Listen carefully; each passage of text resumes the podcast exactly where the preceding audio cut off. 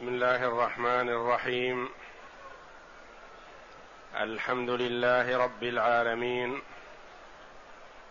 والصلاة والسلام على نبينا محمد وعلى آله وصحبه أجمعين. وبعد.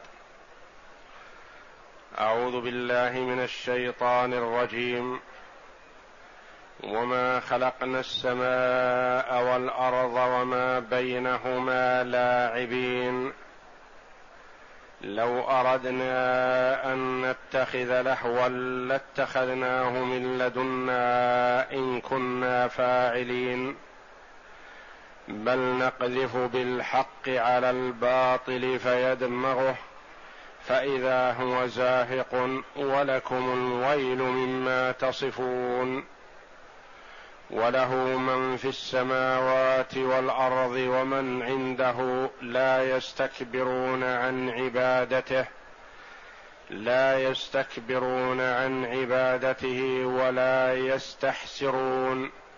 يسبحون الليل والنهار لا يفترون. يقول الله جل وعلا وما خلقنا السماء والأرض وما بينهما لاعبين. الله جل وعلا يبين لعباده شيئا من عظيم مخلوقاته وأنها خلقت لحكمة عظيمة. لا عبثا ولا لعبا. وفي ذلك لفت نظر للعباد. أن الله جل وعلا هو الخالق للسماوات وللارضين ولما بينهما. فخلق السماوات والأرض شيء عظيم يدل على عظم الخالق جل وعلا.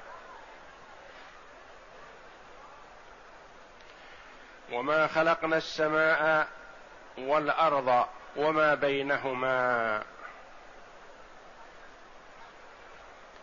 فسائر المخلوقات إما في السماء أو في الأرض أو بين السماء والأرض.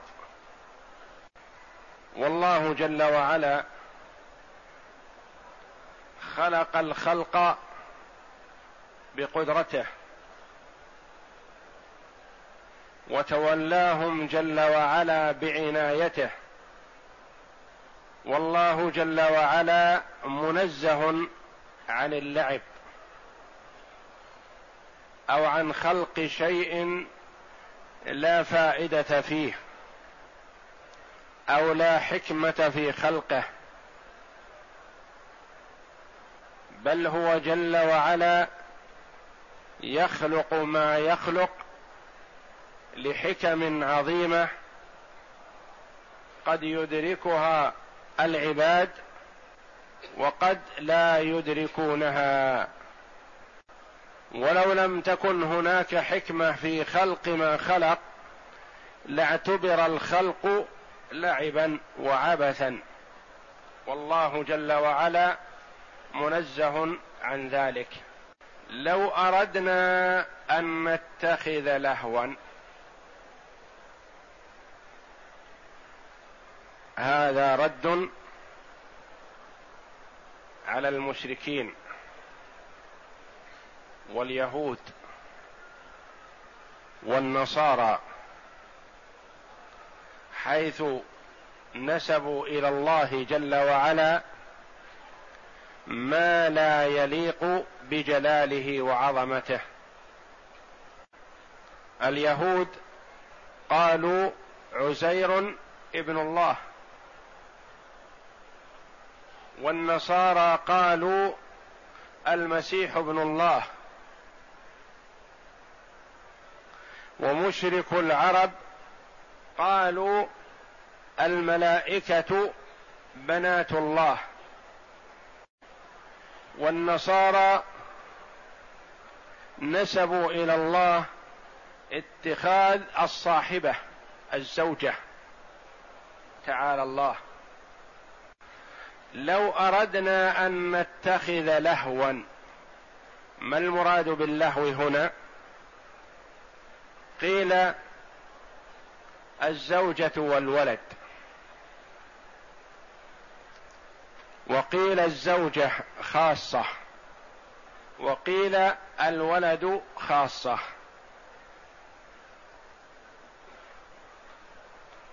واللهو ما يتلهى به. وهو إلى الزوجة أقرب. وقد يكنى باللهو عن الجماع. يؤتى باللهو بكلمة اللهو ويراد بها الجماع.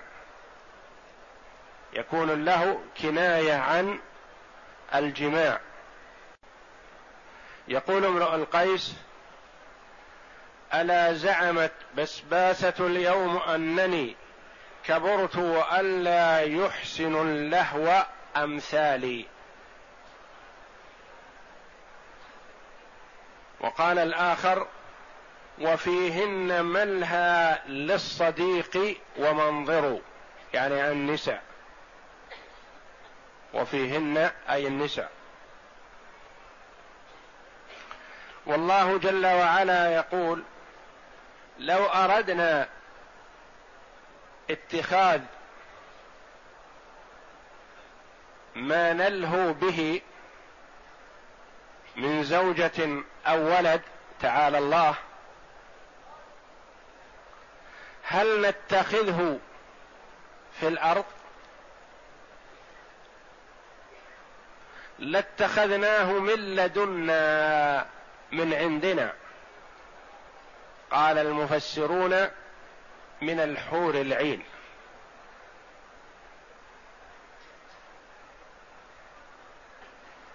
لو أراد الله ذلك ما اتخذه في الأرض.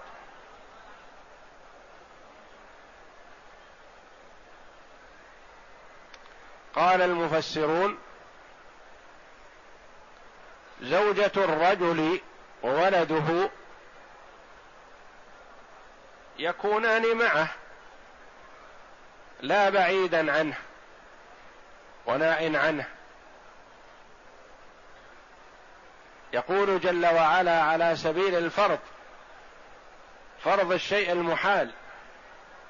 لو أردنا أن نتخذ ما نلهو به من زوجة وولد هل نتخذه في الأرض؟ بل نتخذه من لدنا. ولا يكون عندكم في الأرض وإنما يكون عنده جل وعلا في العلو.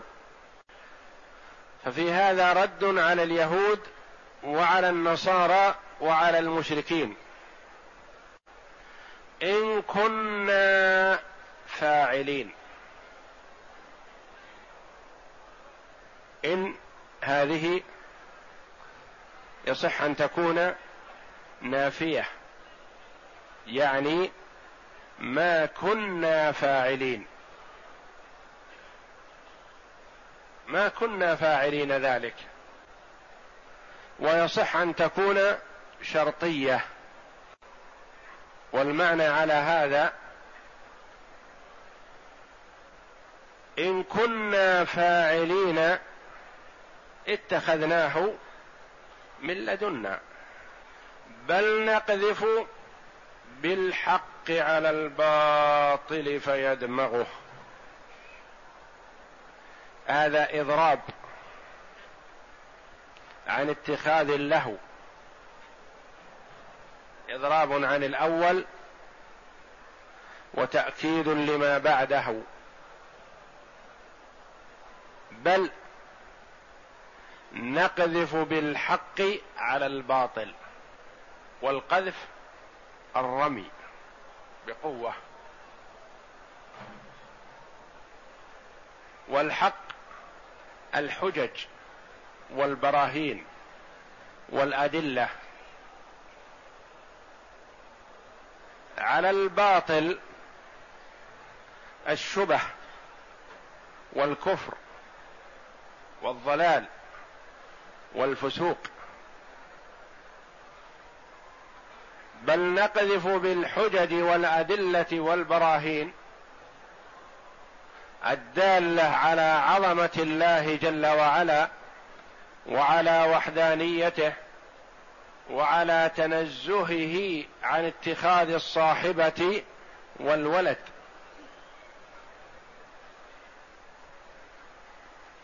على الباطل ما ألقاه وقاله المشركون واليهود والنصارى والمشبهة الملقون للشبه على العباد. بل نقذف بالحق على الباطل فيدمغه الدمغ ضرب الرأس. بشجة عظيمة تصل إلى الدماغ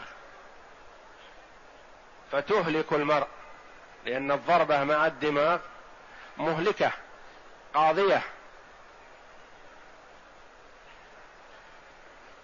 فيدمغه يعني الحق يلقى على الباطل فيزيله وينهيه. فيدمغه فإذا هو زاهق. فإذا هو زاهق أي زائل ومنتهي ولا ثبات له لأن الباطل لا يثبت أمام الحق.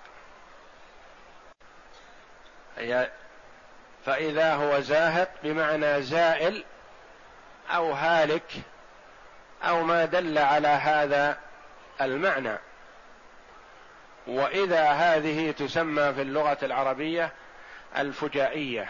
إذا الفجائية. ولكم الويل مما تصفون. لكم أيها الواصفون لله جل وعلا بما لا يليق به. ممن قال اتخذ صاحبه. أو قال اتخذ ولدا تعالى الله لكم الويل. الويل العذاب الشديد. وقيل المراد به واد في جهنم. لو سيرت فيه جبال الدنيا لذابت من شدة حره. يقول الله جل وعلا فويل للمصلين الذين هم عن صلاتهم ساهون. يعني يؤخرونها عن أوقاتها. فإذا هو زاهق ولكم الويل العذاب الشديد أو واد في جهنم. مما تصفون من ما من هذه التعليلية وما مصدرية التي تثبت هي وما بعدها بمصدر.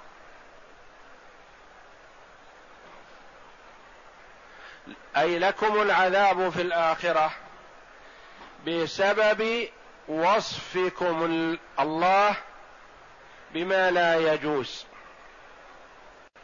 والله جل وعلا توعد من ألحد في أسمائه وصفاته فقال عز من قائل إن الذين يلحدون في آياتنا لا يخفون علينا. فمن أنكر ما وصف الله جل وعلا به نفسه أو وصفه به رسوله أو وصف الله جل وعلا بما لا يليق به نسب إليه الصاحبة والولد فهو متوعد بهذا الوعيد. ولكم الويل مما تصفون. بسبب وصفكم الله بما لا يليق به. وهذا وعيد لكل من ألحد في أسماء الله وصفاته تعالى الله.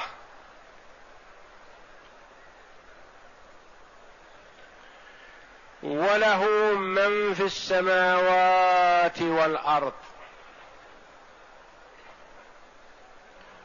كل من في السماوات وكل من في الأرض ملك لله جل وعلا وعبيد له تحت قبضته تعالى. فهو الخالق لهم وهو الرازق لهم وهو المستحق بأن يعبدوه وحده لا شريك له. وإذا كان كل من في السماوات ومن في الأرض عبيد له وملك له فهو غني تعالى عن اتخاذ الصاحبة والولد. وله من في السماوات والأرض ومن عنده. المراد بهم الملائكة. وهم في السماوات. ولكن ذكروا وحدهم من باب التكريم لهم والتنويه. ومن عنده من الملائكة حملة العرش وسكان السماوات السبع وقد قال عليه الصلاة والسلام ما في السماء موضع شبر إلا وفيه ملك راكع أو ساجد أو قائم لله كما أو كما قال صلى الله عليه وسلم. فالسماوات السبع ملأى بالملائكة. فالله جل وعلا شرفهم بأن جعلهم سكان السماوات وذكرهم وحدهم بعد ذكر من في السماوات والأرض.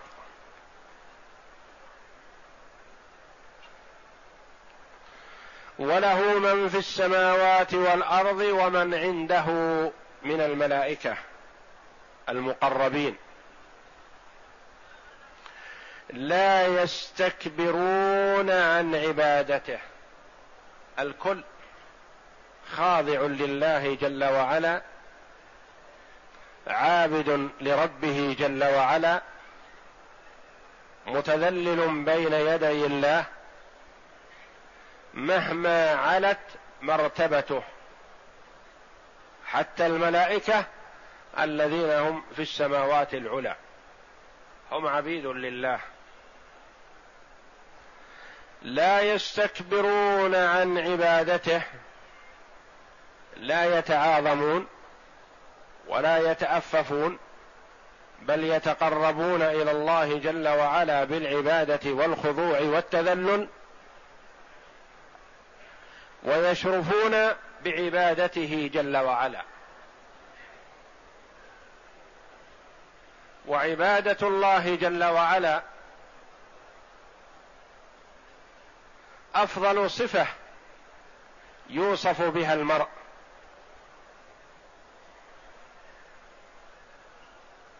فكلما كان أعبد لله فهو أعز وأكرم.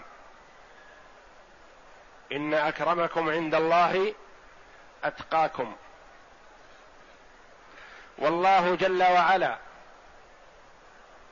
ذكر صفة العبودية لنبينا محمد صلى الله عليه وسلم في أشرف المواطن وأشرف الأحوال عند إنزال الكتاب عليه. الحمد لله الذي أنزل على عبده الكتاب عند الإسراء. سبحان الذي أسرى بعبده ليلا من المسجد الحرام إلى المسجد الأقصى. عند مقام القيام للصلاة وأنه لما قام عبد الله يدعوه كادوا يكونون عليه لبدا. فذكر الله جل وعلا صفة محمد صلى الله عليه وسلم العبودية في أشرف المواطن. فأشرف ما يوصف به المرء أنه عبد لله. فعبودية الله شرف للملائكة. وشرف لكل من عبد الله جل وعلا طائعا مختارا من الجن والإنس. ولا يستحسرون. لا يعيون ولا يعجزون.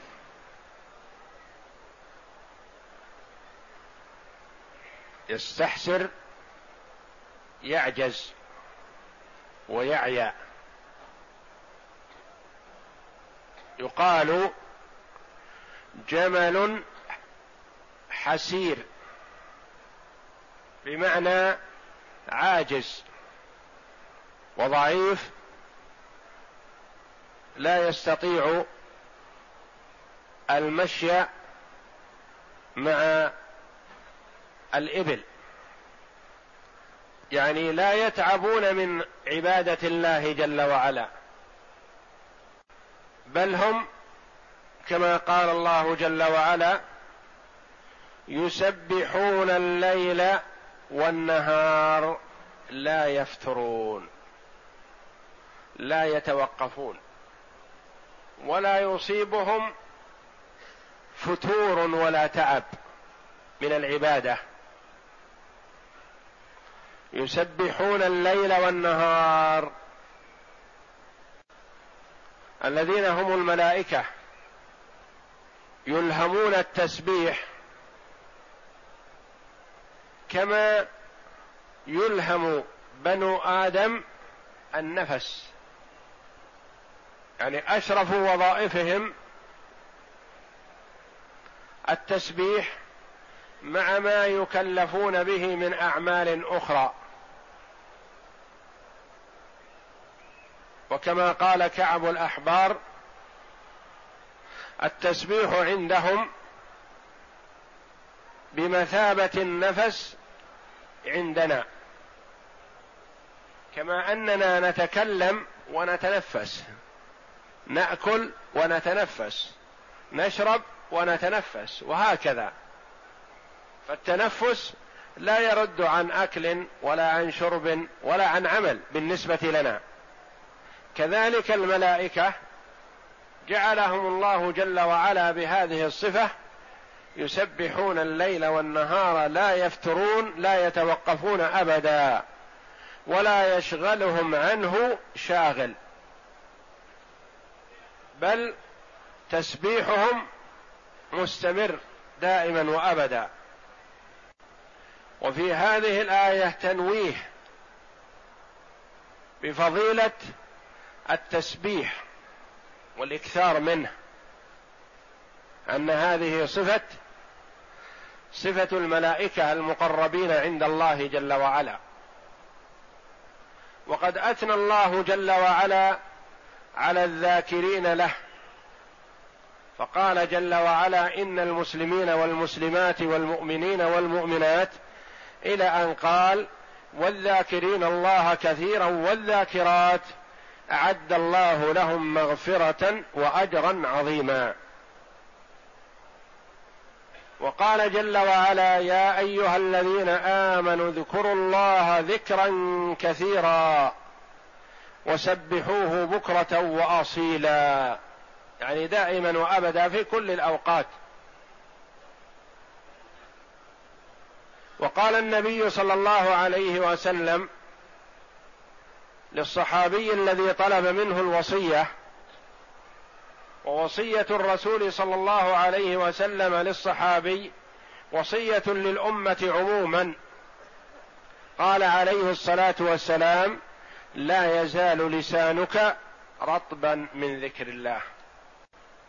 وكلما اشتغل المرء بذكر الله جل وعلا أعطاه الله جل وعلا ما يتمناه.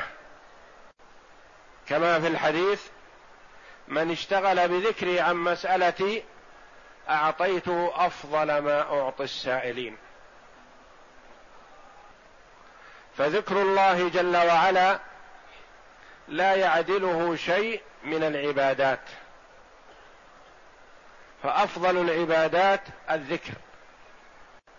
ولهذا سائر الطاعات مشتملة على ذكر الله جل وعلا.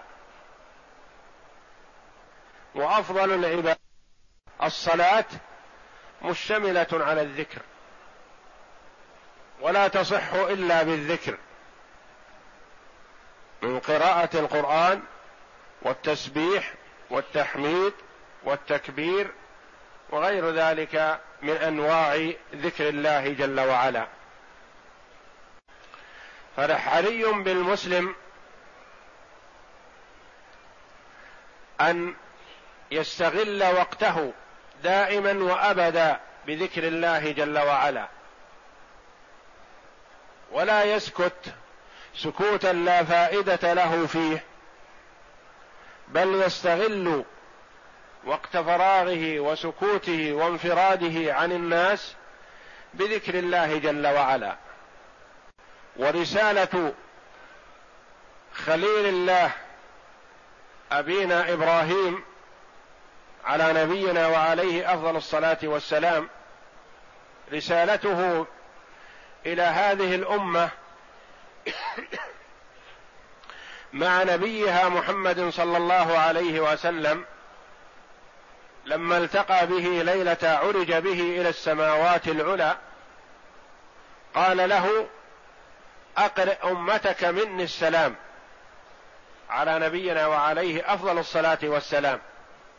وأخبرهم أن الجنة قيعان. طيبة التربة عذبه الماء وأن غراسها التسبيح أو كما قال صلى الله عليه وسلم. غراس الجنة التسبيح والتحميد والتكبير لله جل وعلا. فحري بالمسلم الا يغفل عن ذلك ويكثر من ذكر الله جل وعلا وقد وعد الله جل وعلا الذاكرين الله كثيرا والذاكرات الثواب العظيم الجزيل. والله أعلم. وصلى الله وسلم وبارك على عبده ورسوله نبينا محمد وعلى آله وصحبه أجمعين.